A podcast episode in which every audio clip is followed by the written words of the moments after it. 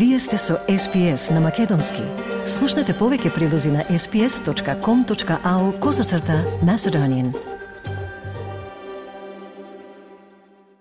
Екстремни и непревидливи временски услови се очекуваат во сите делови на земјава. Властите издадоа предупредување за тропски циклон во северниот дел на Квинсленд, додека Јужна Австралија продолжува да се бори со бури, а поплави и шумски пожари ја погодија Западна Австралија.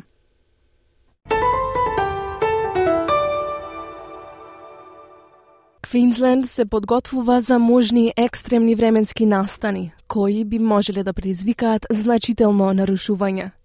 Издадено е предупредување за тропскиот циклон Джаспер во крајните северни делови на државата. Заменик премиерот на Квинсленд Стивен Майлз вели дека влијанието на циклонот се очекува во следните 24 часа.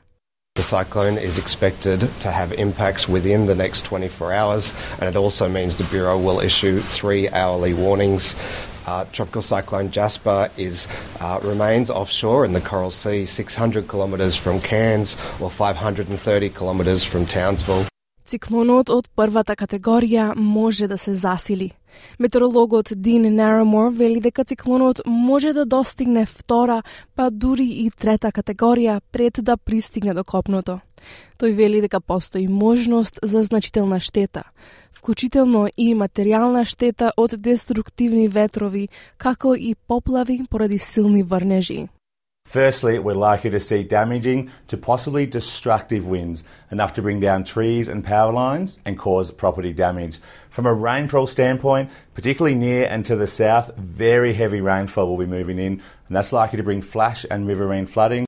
Формирани се центри за евакуација и распоредени се дополнителни екипи за итни случаи од Бризбен. Полиците на супермаркетите се речиси празни, а властите предупредуваат дека струјата и телефонските услуги може да бидат прекинати. Заменик комесарот на полицијата на Квинсленд, Шен Челепи, вели дека луѓето мора да се припремат со основни залихи, како храна, вода или лекови, кои ќе бидат доволно за наредните три дена. Think about now your medication, additional water, food, what you'll need for at least 72 hours in your households. We know that sometimes after these crossings, it takes emergency services up to 72 hours to make the roads safe and make the environment safe for us to support you. So please go out to your chemist, get the medication you need, because they're the sort of things that cause problems.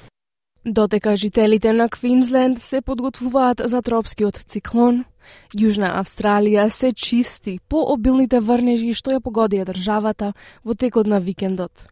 Државните служби за итни случаи беа повикани да одговорат на над 900 инциденти во последните 72 часа, при што стотици куки останаа без струја поради силни бури. Недостатокот на струја исто така погоди две болници во Орору и Болеро центар, кои беа принудени да зависат од резервни генератори. Хана Марш од Бидото за метеорологија вели дека наврнале меѓу 30 до 80 мм дошт, што е повеќе од очекуваното во текот на цел месец во период од 3 дена. In the 72 hours to 9 a.m., we've had widespread rainfall totals of 30 to 80 millimetres across western and central parts of the state, with in excess of 100 millimetres over eastern Eyre Peninsula.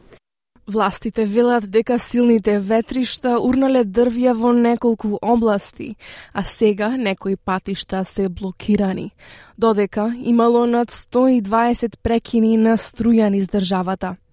Заменик главната директорка на Државната служба за итни случаи Лиз Канел вели дека властите може би нема да можат да им помогнат на сите истовремено. Approximately 50% of the outback roads are currently closed. Um, and we encourage people to uh, remain proactive and undertake preventative actions to help mitigate and reduce those impacts to their properties and to themselves. Тоа беше заменик главната директорка на Државната служба за итни случаи на Јужна Австралија во прилогот на Клорија Фархарт и Алекс Анифантис за SPS News. Во меѓувреме во Западна Австралија пожарникарите се уште се, оби, се обидуваат да згаснат пожари на житни полиња во северниот дел на државата. Од неделата пожарите опфаќаат над 2500 хектари земја. Одделот за противпожарна и вонредна служба издаде итно предупредување, во кое се вели дека на жителите им е предоцна да заминат и тие мора да се засолнат пред пожарот да пристигне до нив. Стиснете, ми се допаѓа, споделете, коментирајте. Следете ја SPS на Македонски на Facebook.